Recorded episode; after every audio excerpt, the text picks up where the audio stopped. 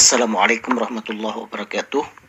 Alhamdulillahirrabbilalamin kembali pada hari ini saya akan menjawab satu buah pertanyaan yang telah disampaikan. Assalamualaikum dokter Waalaikumsalam warahmatullahi wabarakatuh Saya sering beli masakan di luar Dan kadang tidak bisa diketahui Apakah penjual menggunakan penyedap rasa atau tidak Saya mau bertanya Apa dampak jangka panjang bila sering menggunakan penyedap rasa pada masakan? Berbahayakah bagi kesehatan? berapa kadar penyedap rasa yang aman bagi tubuh? Terima kasih atas penjelasannya dok dari Ervina. Baik, terima kasih Ibu Ervina atas pertanyaannya. Hmm, ini bukan hanya makan di luar, tapi kadang makan di dalam juga kita sering menggunakan penyedap rasa. Baik, apa itu penyedap rasa? Penyedap rasa itu adalah suatu bumbu yang berfungsi untuk menguatkan rasa. Dan komposisi yang paling utama, dia itu adalah suatu zat yang disebut dengan MSG atau singkatan dari monosodium glutamat. Dalam bahasa kitanya bahasa Banjar orang sering menyebutnya dengan vetsin atau di Indonesia kan sering juga orang menyebutnya dengan micin. Baik. Micin itu sebenarnya itu adalah penyedap rasa buatan di mana kalau seandainya dalam kadar yang diberikan dalam kadar yang terbatas, kadar yang normal sebenarnya tidak punya efek berbahaya. Jadi bisa digarisbawahi bahwa sebenarnya micin itu tidak berbahaya selama mengonsumsi dalam batas yang normal. Nah, saya menjawab pertanyaan terakhir dulu. Berapakah kadar penyedap yang aman bagi tubuh jadi beberapa penelitian yang dibaca itu didapatkan kesimpulan bahwa kadar pemberian micin yang aman yang terakumulasi di dalam tubuh kita itu sebesar 1,7 gram per hari. Agar apa? Agar terhindar dari efek samping ataupun dampak buruk dari mengonsumsi micin di kemudian harinya.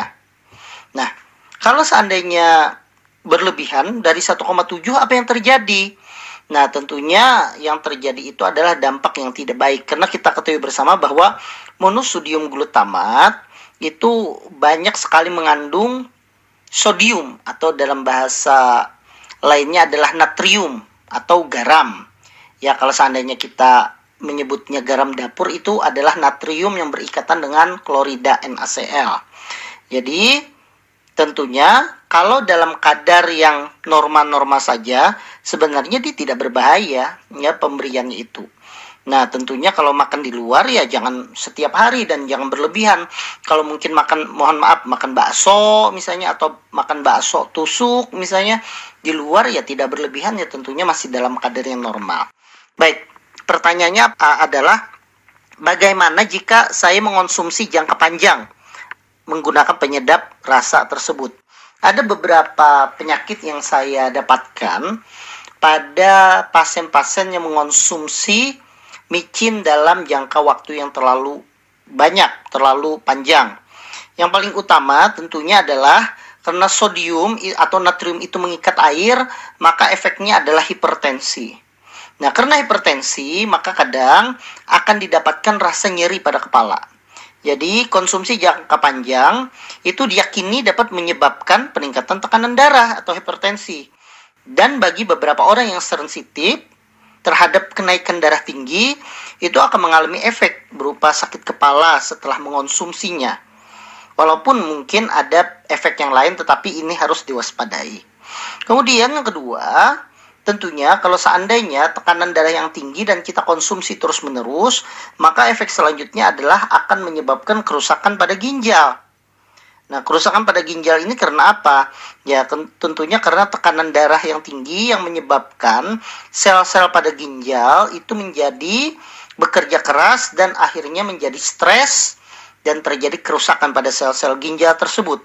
Maka daripada itu tentunya dihindari penggunaan micin yang berlebihan dalam jangka waktu yang lama. Kemudian ada beberapa penelitian mengatakan bahwa bagi orang yang punya sensitif terhadap MSG atau micin tadi monosodium glutamat dan dalam jumlah takaran yang melebihi ambang batas dalam hal ini penelitian tersebut mengatakan lebih dari 3 gram itu ternyata dapat menyebabkan terjadinya asma pada kelompok yang diteliti tersebut. Jadi hati-hati bagi yang punya alergi, apalagi punya alergi penyedap dan dia melebihi dari kadar yang ditentukan, dia bisa memicu asma. Kemudian di penelitian lain yang saya baca, terjadi namanya Chinese Restaurant Syndrome. Apa itu Chinese Restaurant Syndrome?